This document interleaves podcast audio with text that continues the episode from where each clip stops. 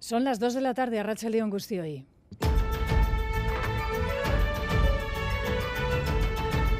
Crónica de Euskadi con Aichiber Bilbao.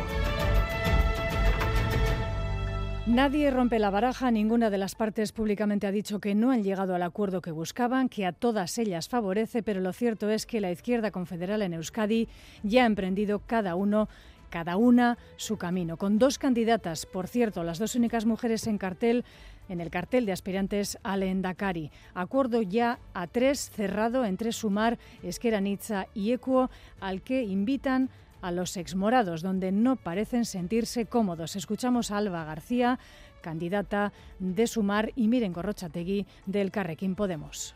Un preacuerdo que permitidme subrayarlo, es una invitación a que otras fuerzas políticas puedan sumarse. Este espacio que lleva trabajando 10 años y es el Carrequín, no, no, no, se puede entender que no, que no esté llamado a formar parte de la izquierda transformadora en estas elecciones. También en clave política preelectoral, segunda entrega de EITB Focus con cuestiones como la preferencia de pactos de la ciudadanía vasca. Preguntada al respecto, un 33% de las personas encuestadas dicen no tener clara a día de hoy su opción, pero tras este dato, dos opciones concitan los mayores apoyos. Y Manuel Manterola. Pacto entre abertzales o fórmulas ya testadas. La ciudadanía se debate entre un acuerdo PNV-H Bildu y la reedición del pacto PNV-PSE. Entre los votantes gelzales y socialistas, la opción está bastante clara. La mayoría prefiere mantener su alianza y los de H Bildu se inclinan más por explorar pactos con el PNV que con el Carrequín Podemos, o menos aún con el PSE. Esto en una Euskadi en la que, según EITB Focus,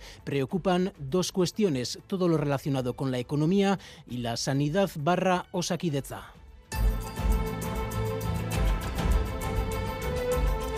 3 de febrero, día de San Blas, día de feria en Abadiño, donde hemos escuchado a las y los baserritarras, a los sindicatos agrarios que han convocado en Vizcaya protestas esta semana, protestas a la francesa contractorada. Ven peligrar sus explotaciones con los acuerdos comunitarios a productos foráneos y regulaciones administrativas, dicen, asfixiantes.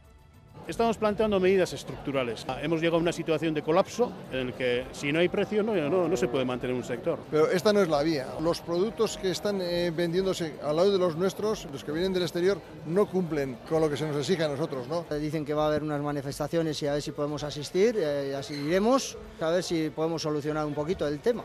Y estos días es noticia entre nosotros el cáncer. Mañana es el Día Mundial contra esta enfermedad que está detrás de un tercio de las muertes en Euskadi. Si bien Afortunadamente, la supervivencia aumenta. Marian Sala, la coordinadora del Plan Oncológico de Euskadi, nos contaba esta mañana en entrevista los retos frente a la enfermedad a corto plazo.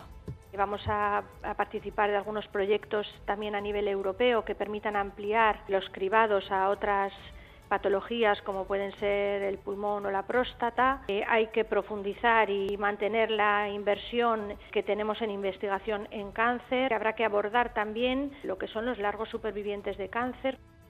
John Hernández, Arrachaldión, eh, titulares de la actualidad deportiva. Arrachaldión, el hoy el Deportivo a la vez recibe al Barcelona a las seis y media de la tarde y después a las nueve de la noche la Real visita al Girona. Por su parte, el Atlético venció anoche por 4-0 al Mallorca y el turno del Club Atlético Sasuna será mañana a las 4 y cuarto ante el Celta en el Sadar. En Liga F acaba de finalizar el Granada 2 Athletic 0. En baloncesto tenemos Liga CB. Hoy juega el Surne Bilbao Basket, lo hace en Murcia ante el UCAM a las 9 menos cuarto de la noche y anoche en Liga Femenina Endesa la buena noticia nos la dio el IDK Euskotren que venció al Celta. En cambio, lo intenta que Cuchaban Karaski perdieron ante Baxi Ferrol y Estudiantes respectivamente. Hoy tenemos la gran final del individual de palas, se enfrentan Román Maldonado e Iñaki Urrutia, antes tercer y cuarto puesto entre Dan Nicol e Ibai Pérez y en cuanto al campeonato de parejas, hoy tenemos dos festivales, en la Brit se enfrentan Ezcurdia y Tolosa ante Peña y Albisu, en Idiazabal Lorán, Elordi y Rezusta contra Artola e Imaz. Anoche, triunfo de Peyo Echeverría y Zabaleta en Amorebieta, vencieron por 22 a 14 a Lasso y Urruticocha. También tenemos balomano a las 5, Liga Sobal, Barça Vidaso Irún en el Palau Blaugrana y en la Liga Guerrera Ciberdrola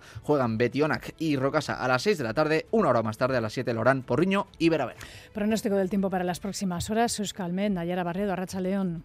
A Rachaldeón seguiremos con ambiente soleado durante la tarde y los restos de nieblas que aún persisten en puntos del interior terminarán por desaparecer. El viento soplará flojo de componente este y las temperaturas hoy se quedarán en el entorno de los 15 grados.